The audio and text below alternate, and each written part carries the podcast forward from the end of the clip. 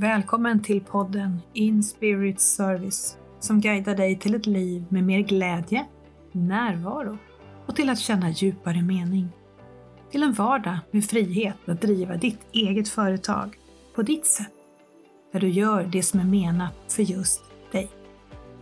När du utgår från den du är innerst inne, det är då som magin skapas. Idag ska jag få prata med Annika Hermansson. Det är en tjej som jag är väldigt nyfiken på att få lära mig mer om, för jag har träffats lite grann i sociala medier, men jag vill gärna veta mer. Så varmt välkommen Annika. Så mycket. Vad är det som du gör i ditt liv som får din själ att vara alldeles överlycklig? Mm. Um, det är att vara här och nu och att eh, släppa huvudet och helt och hållet gå på min intuition och magkänsla. Mm. Det känns ju som att livet blir väldigt flödande och mer som ett äventyr när man tillåter det. Ja, men precis så är det. Och det har inte alltid varit så för mig. Och jag tappar det ibland och jag märker så väl skillnaden att saker och ting blir mer komplicerade och jag fastnar i huvudet. Eh, och jag märker det direkt på relationer, på mig, på saker som händer runt omkring. Visst är det fascinerande, för det, det är ju så vi funkar som människor. Vi trillar dit och sen så kommer vi på oss. Så vad är det du gör om man tänker mer din profession? Vad är det du gör i livet då? Mm. Eh, just här idag, det har ju hänt jättemycket i mitt liv. Överhuvudtaget så har det hänt mycket i mitt liv. Eh, men eh, sista halvåret så har jag tagit tjänstledigt. Jag jobbar normalt som polis. Har gjort det i 33 år. Mm ung när jag började, så det är ju egentligen hela min yrkeskarriär och har gjort väldigt många olika saker. Ehm, sista tiden i mitt arbete, jag har alltid varit jätteengagerad i eh, våld i nära relation och kvinnan och eh, det här att jag har sett att man går tillbaka till samma man eller om man lämnar relationen så hittar man en ny liknande man. Eller jag skulle säga att den här männen hittar de här kvinnorna. Mm. Och till slut så kände jag att det var så förödande att se de här ärendena så att jag började fundera, vad kan jag göra i det här? För någonstans så har jag själv en livsresa med olika upplevelser. Jag har en mamma som blir utsatt för våld i nära relation. Så att jag har ju själv varit med som medberoende och i en familjesituation där jag har sett det här. Eh, och jag tror också att det gör att man blir väldigt engagerad och att man vill så gärna eh, hjälpa till. Och det mm. kunde ju göra väldigt mycket inom polisen med, med de möjligheterna jag hade tillsammans med socialtjänsten. Men sen har man ju ett myndighetsuppdrag och det blev någonstans stopp där. Det var som att, jag brukar säga det, det var som att sätta ett plåster på en blödande artär. Att eh, jag kunde bara till en viss del hjälpa till. Mm. Så att, eh, bestämde jag mig för att det här ska jag jobba med på ett eller annat sätt. Så jag tog tjänstledigt för sex mm. månader startade upp mitt företag som heter Kvinnorummet. Och drömmen i det här företaget som började, eh, som jag började plocka fram som en liksom, eh, inre känsla, det var att jag ville ha ett digitalt kvinnorum där alla kvinnor som har varit antingen i våld i nära eller har några andra trauman med sig kan få besöka. Eh, och där vi skulle stötta varandra och titta på att arbeta inifrån och ut, att stärka självledarskapet, hitta sina inre nycklar och potential och därifrån då bygga eh, för att klara sig och göra bättre val. För att vi kan inte göra annorlunda med det vi har med oss. Eh, nu visar det sig då att det kräver ju lite att jag behöver sponsorer och så vidare, så drömmen finns kvar. Men jag startade ändå upp mitt företag, vilket jag har gjort, så att idag coachar jag kvinnor. Det behöver inte vara så att man har varit i våld i nära, utan man har oftast med sig någon form av sårbarhet, utsatthet och jag kan se ett mönster hos de kvinnorna som jag coachar idag, att man eh, har varit utmattningssyndrom. Mm -hmm. Långtidssjukskriven och såklart eh, som mycket snabbt kom fram så är man högkänslig. Och då börjar jag se ett, ett mönster. Dels, jag har själv de här delarna. Jag är högkänslig, eh, väldigt tydligt högkänslig och hög empat. Eh, och, och, det har varit en resa att hitta den balansen för att jag, jag fastnar lätt och jag blir väldigt lätt dränerad och tar bort mina egna behov. Mm. Eh, så att det här har vi jobb, jobbar vi med och har jobbat mycket och att vara duktiga flickan. Så att så fortsatt min dröm i företaget så att då byggde jag på den så nu vänder jag mig ut mot företag också och kvinnor som har varit utmattningssyndrom eller som är på väg in. För 79 procent av alla sjukskrivningar utmattningssyndrom är kvinnor. Så någonstans så insåg jag att det här är ett problem eh, mm. och det är komplext och vi har med oss så mycket som gör att vi hamnar där. Mm. Så jag är mitt i detta nu så att det är så intressant hur drömmen med att hjälpa kvinnor blev där jag är nu. Eh, och det kommer ju fortsätta utveckla sig såklart. Mm. Jag kommer tillbaka också till eh, polisen under en period här så, eh, och har kvar mitt företag och har en dröm att jag ska kunna helt och hållet livnära mig sen och kunna bli entreprenör. Så där är jag idag. En väldigt... Um, det du berättar, det griper väldigt mycket tag i hjärtat på mig. Jag tänker på Särskilt om du då som högkänslig med alla de här förmågorna som du har att i ditt yrke få möta alla dessa kvinnor och som du säger att de igen hamnar i liknande eller samma relation. Det här blödande såret. Så vad, har det, vad gjorde det med dig när du såg det gång på gång, år efter år? Nej, men det blev ju en oerhörd eh, frustration såklart. Eh, och jag tror att jag har med mig eh, jag väljer också här nu i, i det här eh, när jag kommer att vända mig ut mot företag så kommer jag att berätta vad utmattningssyndrom, psykisk ohälsa är och hur viktigt det är att jobba med framförallt eh, arbetsmiljön, den psykosociala arbetsmiljön att, eh, och, och många andra delar. Men eh, jag, eh, förutom det och workshop, hur man kan hitta Eh, jättebra sätt att dels få sina egna verktyg och sina, sina varningsflaggor, så berättar jag också om min livsresa, för den är väldigt viktig. Och det har varit en jätteprocess när jag har tagit fram och skrivit ner den, för jag ser så mycket beröringspunkter som vi har gemensamt. Eh, så att, eh, ja, det, jag tror att med min egen livsresa och jag var bara 16 när jag bestämde mig för att jag skulle bli polis. Jag tror allting hänger ihop. Mm. Att jag vill lämna vidare. Jag vill finnas där och hjälpa till. Mm. Ehm, jag tror att det blir så många gånger och vi som är högkänsliga, vi är ju, eh, vi har det i oss. Det blir mm. sånt otroligt driv. Du sa att du hade skrivit ner. Är det någonting som är bara för dig själv? Är det någonting du använder för andras läkning? Eller hur? Hur är det?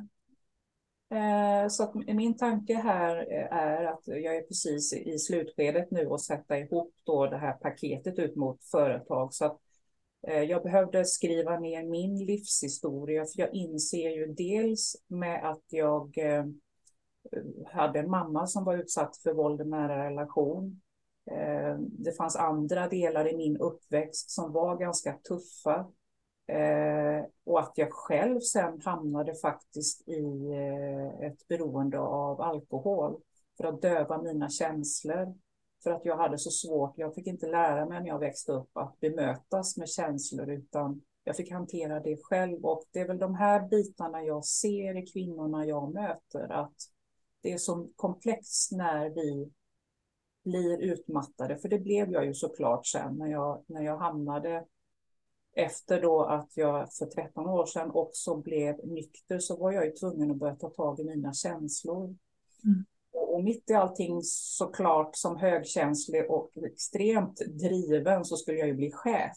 Fastän jag skrev du måste läka, du måste mm. liksom ta dig den här tiden. Men jag bara stängde ner det. Och så körde jag på så att jag gick med kronisk stress och eh, sov bort mina helger och orkade inte umgås med någon bara för att kunna prestera på jobbet. Så att, eh, det här mönstret hade jag under många, många år och liksom inte ser det här själv. Och det är väl därför jag känner att det blir så viktigt för mig att vända mig ut sen att vi, eh, vi upptäcker inte och fortfarande kan jag liksom falla tillbaka lite grann och missa. Men nu har jag en familj som bara, nu är du för liksom, jag låser in mina känslor och jag går in i en prestation och då får ingen störa mig och det är ett första varningstecken att man liksom vill puffa ut alla som stör en. Mm.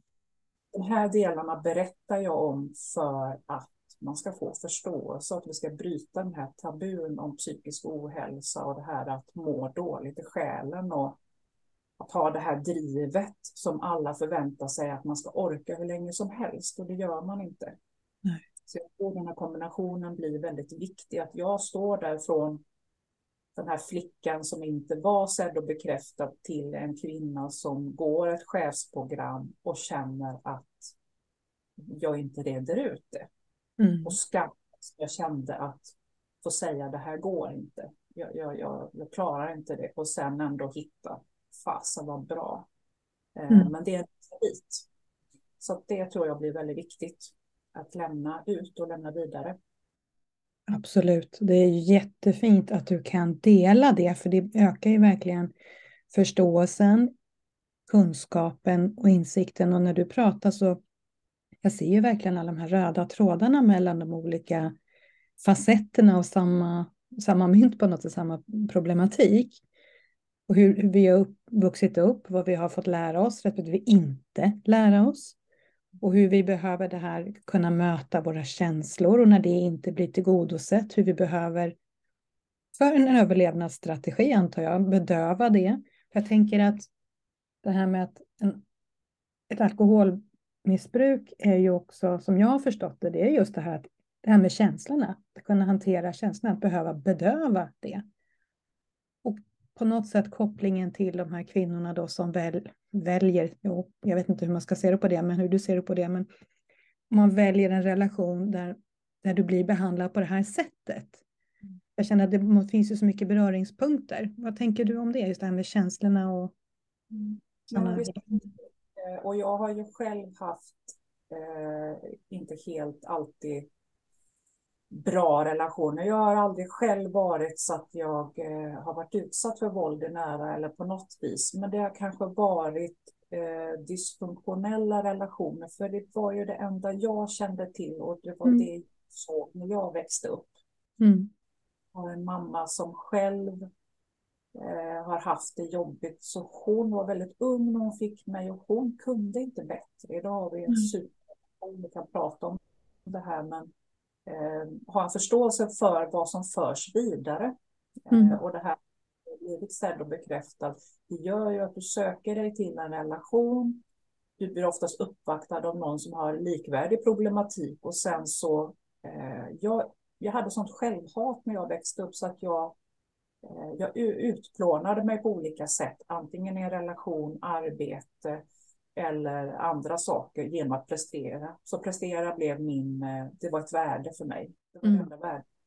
Så att, och det är väl likadant för de här kvinnorna att man vill så gärna förändra den här komplexa individen man träffar.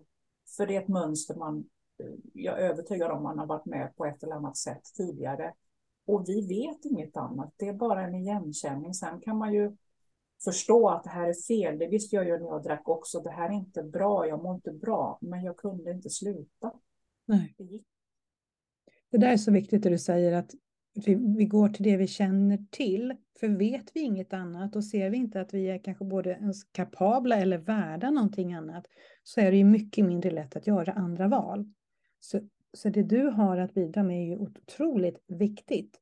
Att visa på både en förståelse och där är din historia fantastisk, för du kan ju verkligen visa att jag vet vad jag pratar om. Det är inte bara något koncept du kommer med, utan du, du förstår ju. Och hitta en annan väg och veta att det finns andra vägar att gå. För när vi vet bättre, då kan vi göra bättre. Men om vi aldrig får reda på det, ja då är det inte konstigt att de här kvinnorna igen då hamnar i sådana relationer, antingen med samma eller likvärdig. För det är det som är det bekanta. Mm, Ja, visst är det så. Och tänk dig också eh, skammen att få höra då, säkert från andra och tyvärr ibland även ifrån min egen organisation och kanske andra rättsvårdande myndigheter att varför lämnar du inte? Mm.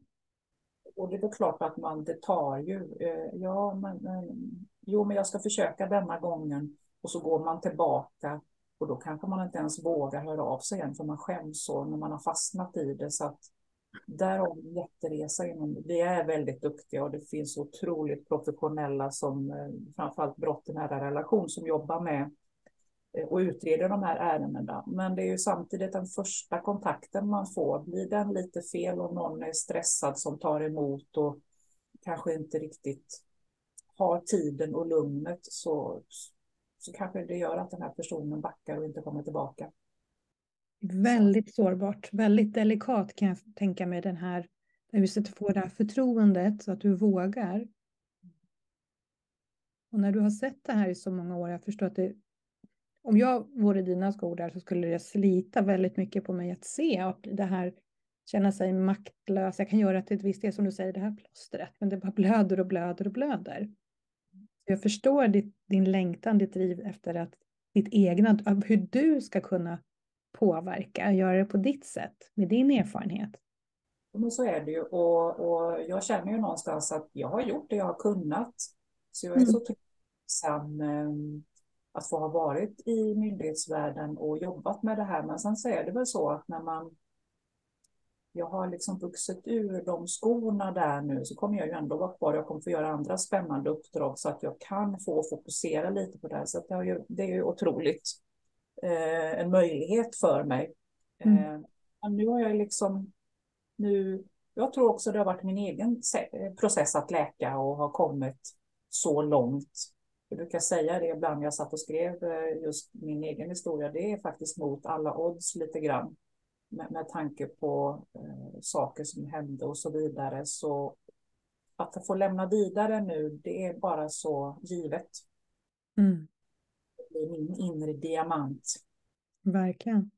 Och jag tänker den processen som du har gjort när du skriver ner, den är ju väldigt effektiv men kan säkert vara väldigt utmanande och jobbig. Men samtidigt ett fantastiskt verktyg i läkeprocessen.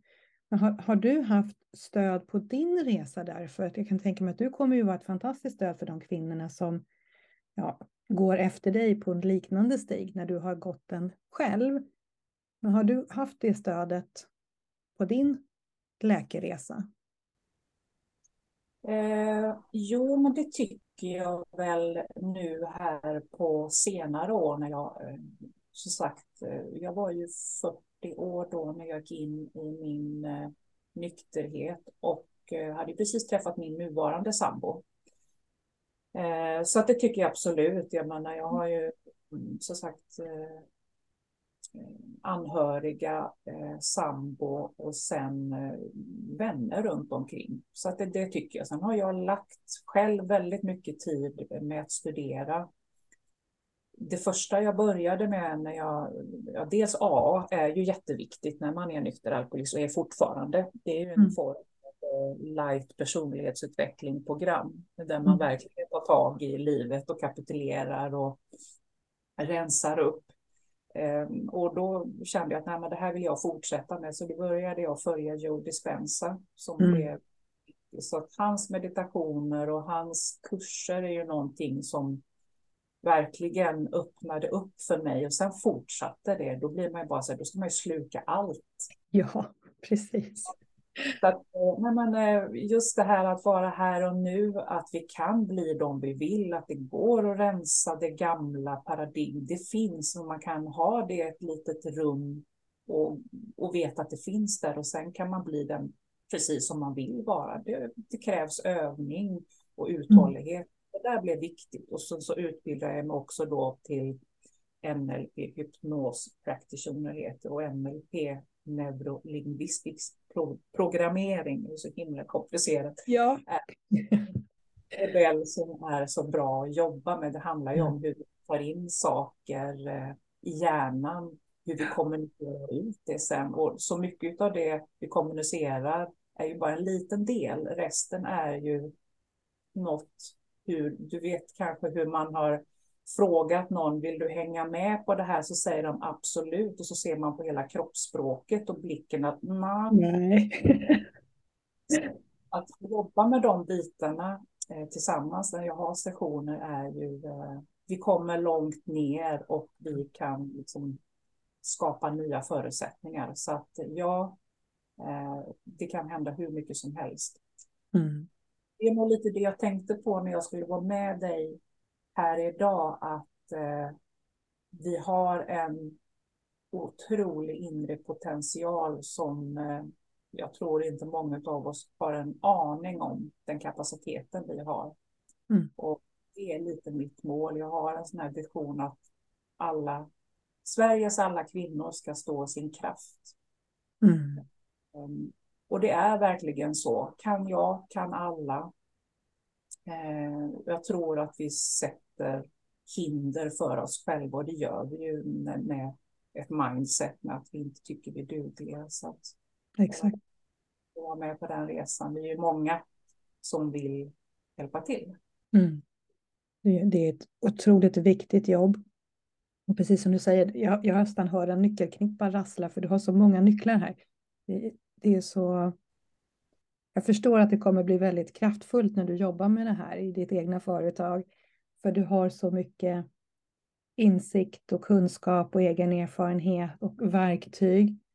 För det är ju också så viktigt att, för även om du och jag kan se hos en människa, för jag har samma inställning där, att alla har den här potentialen och kraften i sig, jag är övertygad om det.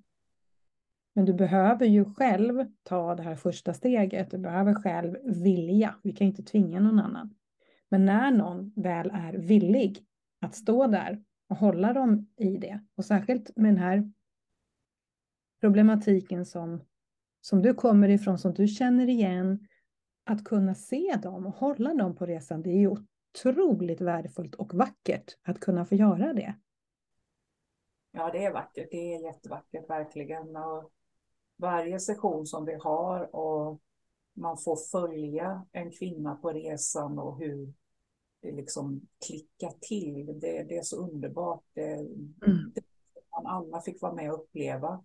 Och jag vet hur det känns. Och jag brukar tänka ibland när jag var det här lilla barnet när mina föräldrar skilde sig. Jag var extremt, extremt rädd när jag var liten eftersom jag var högkänslig och inte förstod eh, varför mina föräldrar skilde sig och ingen sa någon, någonsin någonting. Sen fick jag både natt och dagmamma ganska tidigt för att hon jobbade inom restaurang mamma, så att jag var så, jag var så rädd för världen. Mm.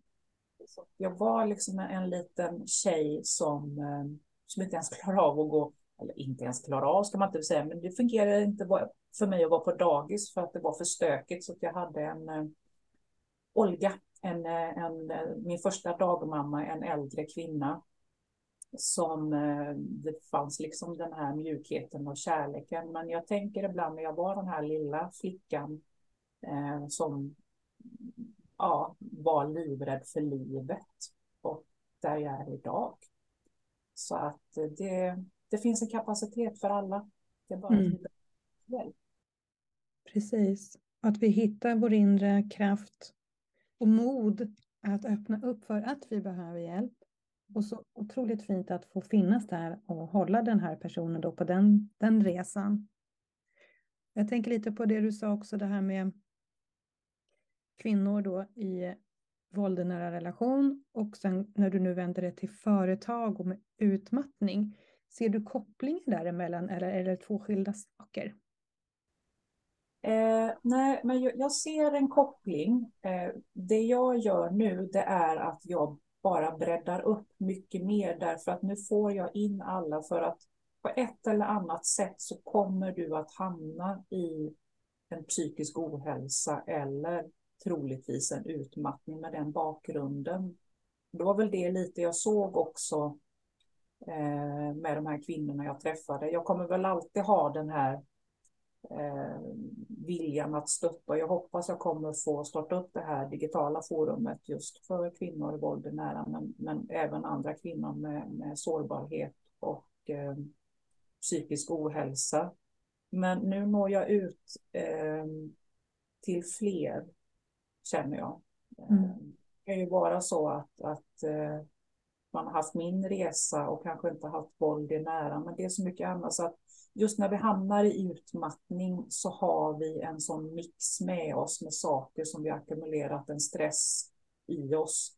Så att när det smäller till så, så är det oftast mer komplicerat än att bara gå hem och vila och få en rehabplan. Så, mm. det så, att jag, jag, tror att jag kan fånga upp ännu fler.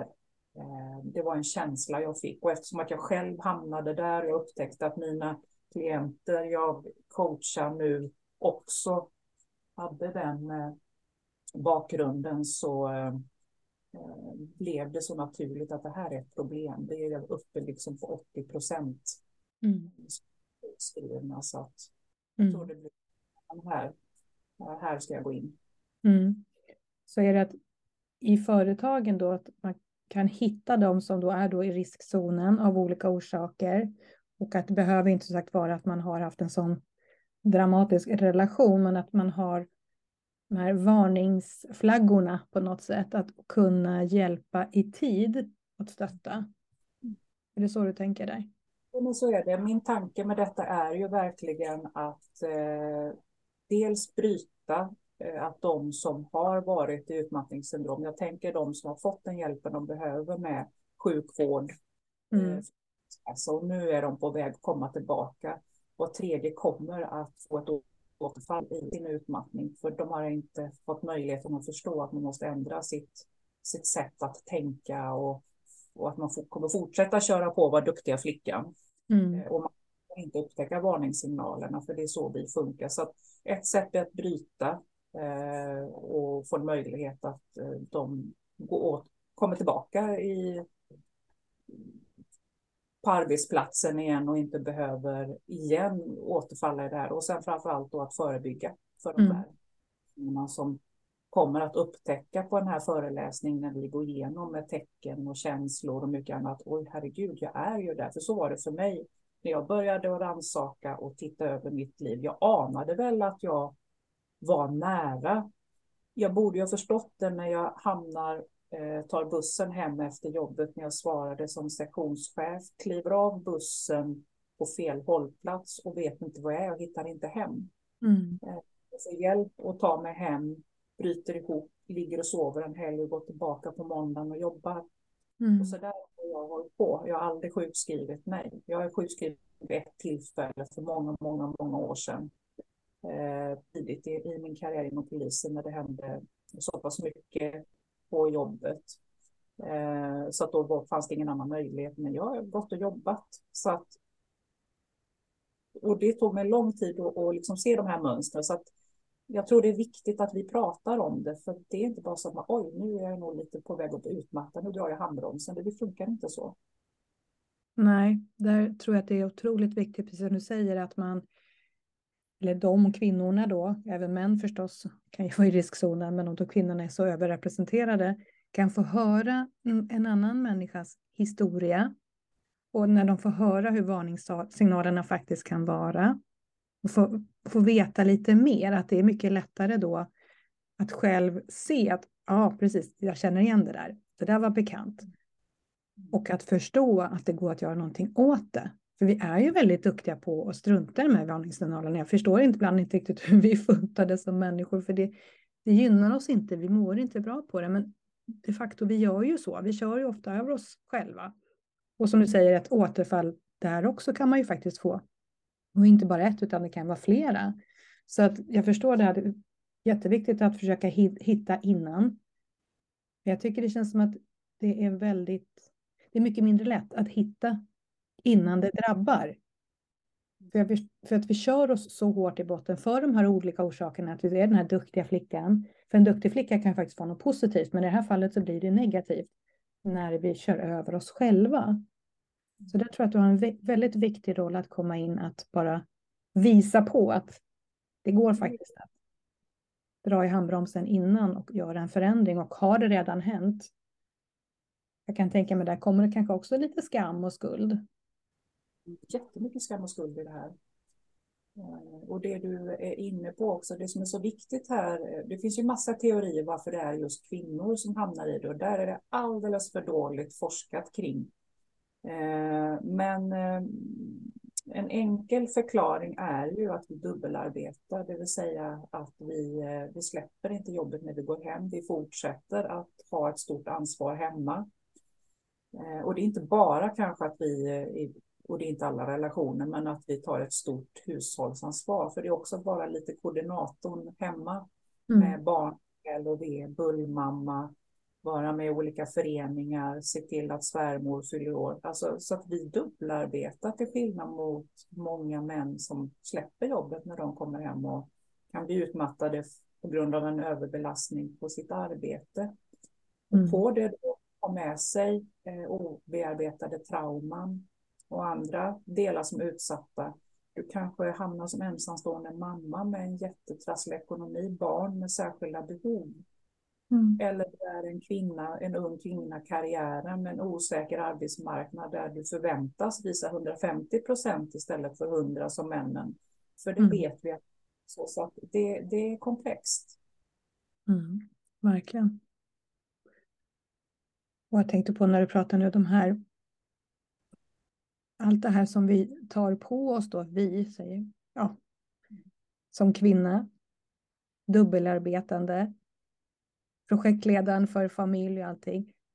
Det smärtsamma kan ju vara när vi tittar oss i spegeln och inser att det är ingen annan som lägger det på oss egentligen. Det är vårt eget ansvar, 100 procent. Å andra sidan, när den smärtan kanske lägger sig så förhoppningsvis ser vi att då kan vi också göra någonting åt det. Mm. Ja, men så är det. Och det är ju där det är så viktigt och det är där jag också förklarar för företagen att det handlar inte bara om att titta på arbetsmiljö, eh, belastning eh, och, många andra delar på arbetet. Det är ju faktiskt så att du måste få lära dig att hantera ditt privatliv hemma, få det att klicka och hitta den balansen för att du ska hålla. Eh, mm. Därav då att få sina egna verktyg och nycklar och förståelsen gör ju att du håller, du får en annan livskvalitet. Mm. Det blir lite förvåning för många att man tror, ja, men, men på arbetet då är det ansvar bara för eh, mina medarbetare på arbetstid och det blir lite för mig som våld i nära. Men det här sker ju på fritiden, fast det är ju inte så det fungerar. Det är ju individer vi är arbetskamrater, vi, vi kanske är chef och ledare för någon, men vi påverkas ju av hur vi mår. Sen om det händer på en ledig tid så är det ju någonting som kommer påverka på när du arbetar. Mm, absolut.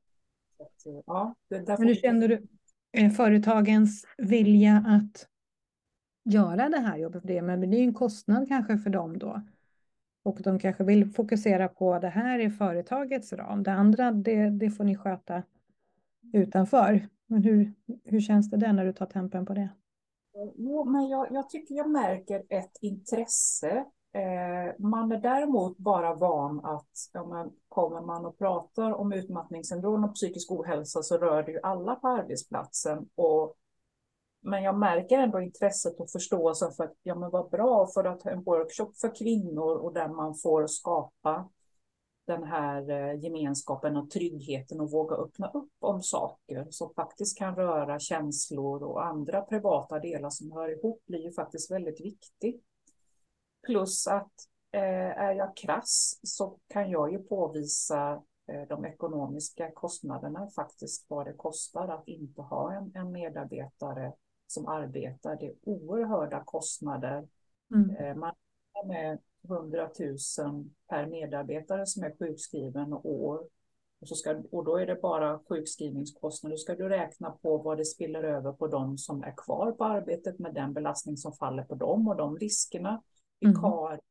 och så mycket mer. Så att ibland får man gå in den vägen och förklara att det är oerhörda kostnader. Eh, börja visa på det och, och sen bygga vidare. Så, att, eh, så brukar jag få göra. Mm.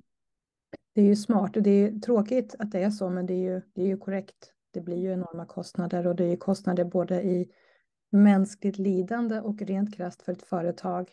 Man måste titta på resultatet på ekonomin där.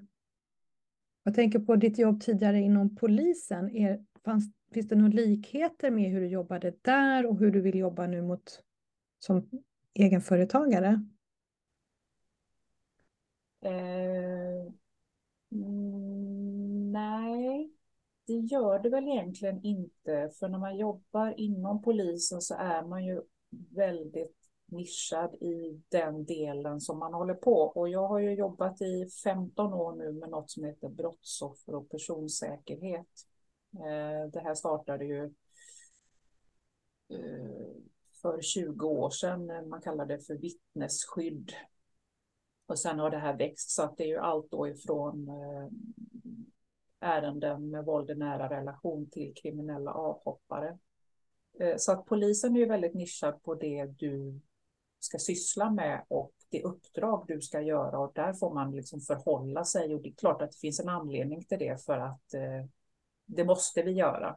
Mm. Eh, det, här, det är väl därför det är så kul att få vara själv, även om det är hicka och man ligger och funderar ibland hur man ska få saker att funka så är också där en annan motor och driv tycker jag. Även om mm. jag älskar jobb och man kan ha superroliga uppdrag. Eh, men här kan man gå all in faktiskt. styra. För när du pratar, jag förstår ju att du svarar som du gör, för jag tänker igen på det här blödande artäret och plåsterlappen. Att jag, jag kan känna att det behöver vara den här helhetskänslan när du har det här personliga engagemanget. För det känns ju när du pratar att du är väldigt engagerad i det och det är viktigt för dig. Jag har full förståelse, jag håller med, det är ett fantastiskt viktigt jobb du gör. Så inom polisen att det är väldigt viktigt och väldigt bra, men att det fattas någon pusselbit som du, du på det här sättet kan ju du fylla det. Mm. Att du får det här kompletta bemötandet, för det, är ju, det ena utesluter ju inte det andra. För det är ju väldigt viktigt det polisen gör och det kanske är bra att det inte är vad vet jag, helheten där, men det att även inom polisen kanske det borde finnas ja, den här extra pusselbiten också, eller hur ser det ut där? Jag är lite dåligt insatt på den världen. Nej, det finns det väl kanske inte. Alltså det finns, eller jo, både och skulle jag vilja säga. Eh, för sen är det ju så att vi ska ju lämna över, oavsett vilken eh, myndighet du jobbar i, så är det ju någon annan som oftast tar vid. Så eh, är ju därför, och där har vi ett nära samarbete, så i, i de här fallen så är det socialtjänsten. Mm. Eh, som har ett jättestort uppdrag, så att, och, och det är ju så det ska vara. Vi gör vår del, de gör sin del, men sen så får vi ju jätteintressanta vi har ju eh, stora projekt som rullar just för när det gäller våld i nära relation och eh, där är det ju en kille uppe i Stockholm som Origon heter det som håller i det här regeringen och polisen då som har startat det där man kan förenklat säga att man jobbar ungefär som i ett större spanings eller mordärende, att när du får ett våld i nära så får du alla resurserna.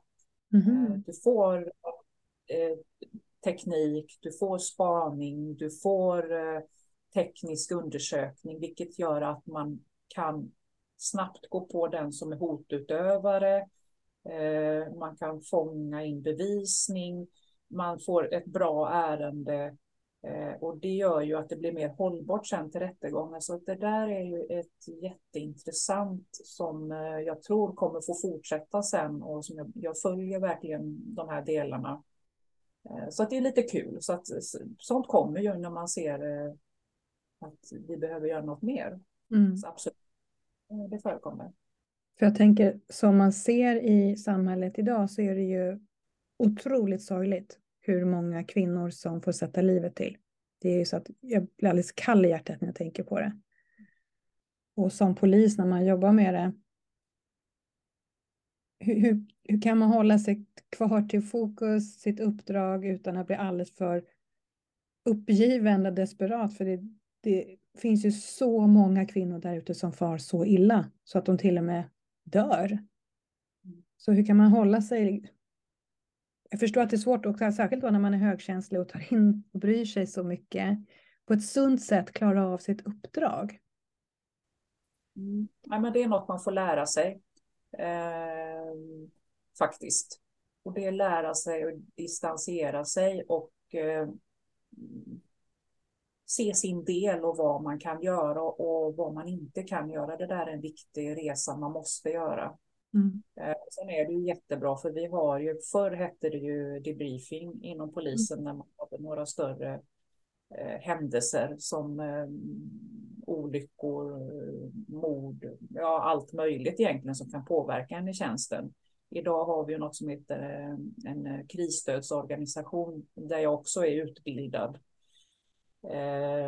så att då gör vi något som heter samling efter händelse. Vi samlar då den här gruppen som har varit på ett sådant ärende och så får man en möjlighet att dels höra allas för man eh, har ju ofta sitt uppdrag och sen får du lämna, men då får man höra allas historia och pussel. Och du får också berätta eh, och anledningen också att vi har den här krisstödshandledningen är ju också för att reducera stresssyndrom. Mm vi, har ju, vi kommer ju ha ett antal dagar och att man normaliserar. En, en onormal händelse så är det normala reaktioner. Men sen att vi hänger i så att man inte utvecklar posttraumatisk stress. Så det tycker jag vi är duktiga på inom polisen. Mm, vad bra. Så att man lär sig. Det, man, man får distansera sig på ett bra sätt och liksom se att jag gör så mycket jag kan här. Mm, precis. Det är jätteviktigt att verkligen se att man gör skillnad man kan inte göra allt, men man kan göra något. Och att det finns den här supporten runt omkring när någonting väl händer, så att man inte tar slut som människa. Hur... Ehm, du sa 33 år inom polisen, det är ganska lång tid. Du måste ju börjat när du var fem, Annika. Nej, jag var 20 faktiskt. Eh, mm. Det eh, så jag fyllde 21 året. Och ja, när jag tittar tillbaka så var jag nog alldeles för ung. Mm. Um, men, men var det ditt driv, förlåt att jag bröt, men när du kände hur din mamma hade haft att du ville göra en förändring, att det du kom ifrån, att känna att här, här kan jag göra någonting, att du valde polisyrket? Ja, precis, jag tror både och. Dels var det det drivet, men sen så har jag alltid haft eh, och kommer alltid ha eh, att jag vill arbeta med att hjälpa till och förändra, göra det jag kan. Mm. annat sätt. Det, det har jag och det kommer alltid att finnas. Och polisen i sig då blev så... Jag hade en förebild också för att när jag växte upp där och det var lite rörigt så var ju hästarna min räddning. Mm. Eh, under de här åren då som eh, mamma hade det jobbigt i den här relationen så flydde jag väldigt mycket upp till eh, där jag hade min häst. Och en av dem som drev det här stallet och gården, han var polis och han blev lite min extra pappa. Mm. Jag tror där föddes, det fanns den här tryggheten och jag såg upp väldigt mycket till honom så att det var en del. Mm. Så att det så som ett pussel att ja, nej men det här vill jag. Mm. Eh, så, det där är ju otroligt viktigt har jag förstått på många att man har en vuxen förebild när det är skakigt på andra delar. Att man har någon som, som gör att man klarar av att bli den här vackra maskrosen, att kunna blomma upp oavsett om det är asfalt där man befinner sig. Att ha någon som guidar en och som visar på att det går att göra på ett annat sätt. Men på vilket hänseende tänkte du att det var lite för tidigt, att det inte riktigt var bra? Nej, men jag, jag tänker väl så här att jag eh, när man är 20 år är man fortfarande väldigt omogen och jag var ju också, även om jag eh, hade hunnit att bli eh, ganska stark som person, jag hade nog en, eh, en fasad. Mm. Eh, jag låste in allting så var jag väldigt eh, stark och kaxig. Eh, mm kvar så att jag, jag, kunde föra mig men innerst inne så var jag ju väldigt liten och jag själv ser ju att jag hade behövt kanske att, att så tidigt komma in i de jobben som man får, eh, råkar ut för. Det var tufft för mig de första åren. Eh, det mm. var det. Eh, så att man behöver mer livserfarenhet. Mm. Jag, jag, alltså eftersom att när jag tog mitt första glas när jag var 17 år så var jag redan då fast. Nu drack inte jag så mycket de första åren, men jag hade mitt beteende och där stängde jag av mina känslor, vilket gjorde att när jag slutade och blev nykter så var jag egentligen kvar känslomässigt när jag var 20 år. Mm. Okej, okay, så du behövde möta dig där och lyfta dig därifrån, läka? Jag eh, skötte mitt jobb och, och tidigt var engagerad och väldigt duktig eh, som polis så hade jag en egen resa att tampas med som blev väldigt tung samtidigt med ett väldigt belastande jobb. Så att eh, ja, jag tror nog att jag hade behövt, likväl som när jag slutade eh, dricka alkohol och gick in på behandling, så sjukskriva mig såklart inte, för det gör man inte när man är en duktig flicka, utan jag mm. jobbade eh, hade en dotter då som bara var tio år så att eh, jag har så många saker som jag ser som har slitit och som har gett så mycket sorg eh, som jag hade kunnat hantera på ett annat sätt. Men å andra sidan så har jag blivit den jag är idag. Precis. Ja. Men, men jag, jag skulle inte ge det till andra utan att man tar hand mm. om sig och, och verkligen ser till att vila, återhämta sig och, och landar. Mm. Det jag. Vad fint att du delar med dig allt det här och berättar så öppet och sårbart om det. Och jag tänker, det är precis som du säger, du har ju blivit den du är idag på grund av det du har varit med om. Och det guldet som kan finnas ändå i det att hjälpa andra. Så det här med de som då är yngre, på väg ut i yrkeslivet, kanske även inom polisen, och framförallt inom polisen. Är det någonting där du känner att här har, jag också, har du något kall att finnas till för de kvinnorna eller är det äldre kvinnor du hellre vill vända dig till? Nej, oh nej, eh, ja, alla kvinnor. Det, mm. eh, mm. det finns liksom ingen ehm, eh, skillnad där. Eh, jag ser mig som den lilla flickan den unga tonårsrebellen som skulle slå sig fri från mamma och de problemen och jag idag. Så att för mig är det jätteviktigt att eh, vem som. Mm. För det känns ju att du kan möta du kan möta henne oavsett var på vägen hon är. Absolut. Jättefint. Annika, jag känner att jag är väldigt berörd av att få prata med dig. Det här var jätte, jättefint och jag tackar att du har delat med dig så fint och jag är övertygad om att många som lyssnar kommer känna inspiration och hopp och mening att få lyssna på det här. Så att, tack snälla för att du använder din egen resa och dina verktyg för att finnas för alla dessa kvinnor som tyvärr behöver dig, men du finns ju där. Det kommer bli hur bra som helst, både när du verkar inom polisen och ditt egna. Det behövs. Är det någonting innan vi avslutar som du vill eh, skicka med till de som lyssnar? Eh, nej, lite som när vi var inne på från början. Eh, det finns bara en person som är viktig och det är du. Och mm. det finns oavsett vad du har varit med om, oavsett vad du tror. Du ska inte tro på dina tankar. Mm. Det på, så finns det möjligheter och otrolig potential och det vill ju alla ta till sig. Fint. Väldigt fina slutord. Tusen tack Annika för att jag fått prata med dig. Detsamma. Tusen tack för att du har lyssnat. Känner du någon som du tror skulle ha glädje av det som du just nu har lyssnat på? Så tipsa dem gärna. Eller lägg en skärmdump på det här avsnittet i någon av dina sociala kanaler. Och vill du ha mer inspiration så gå gärna in på min hemsida introvert.se. Jag önskar dig en fortsatt magisk dag.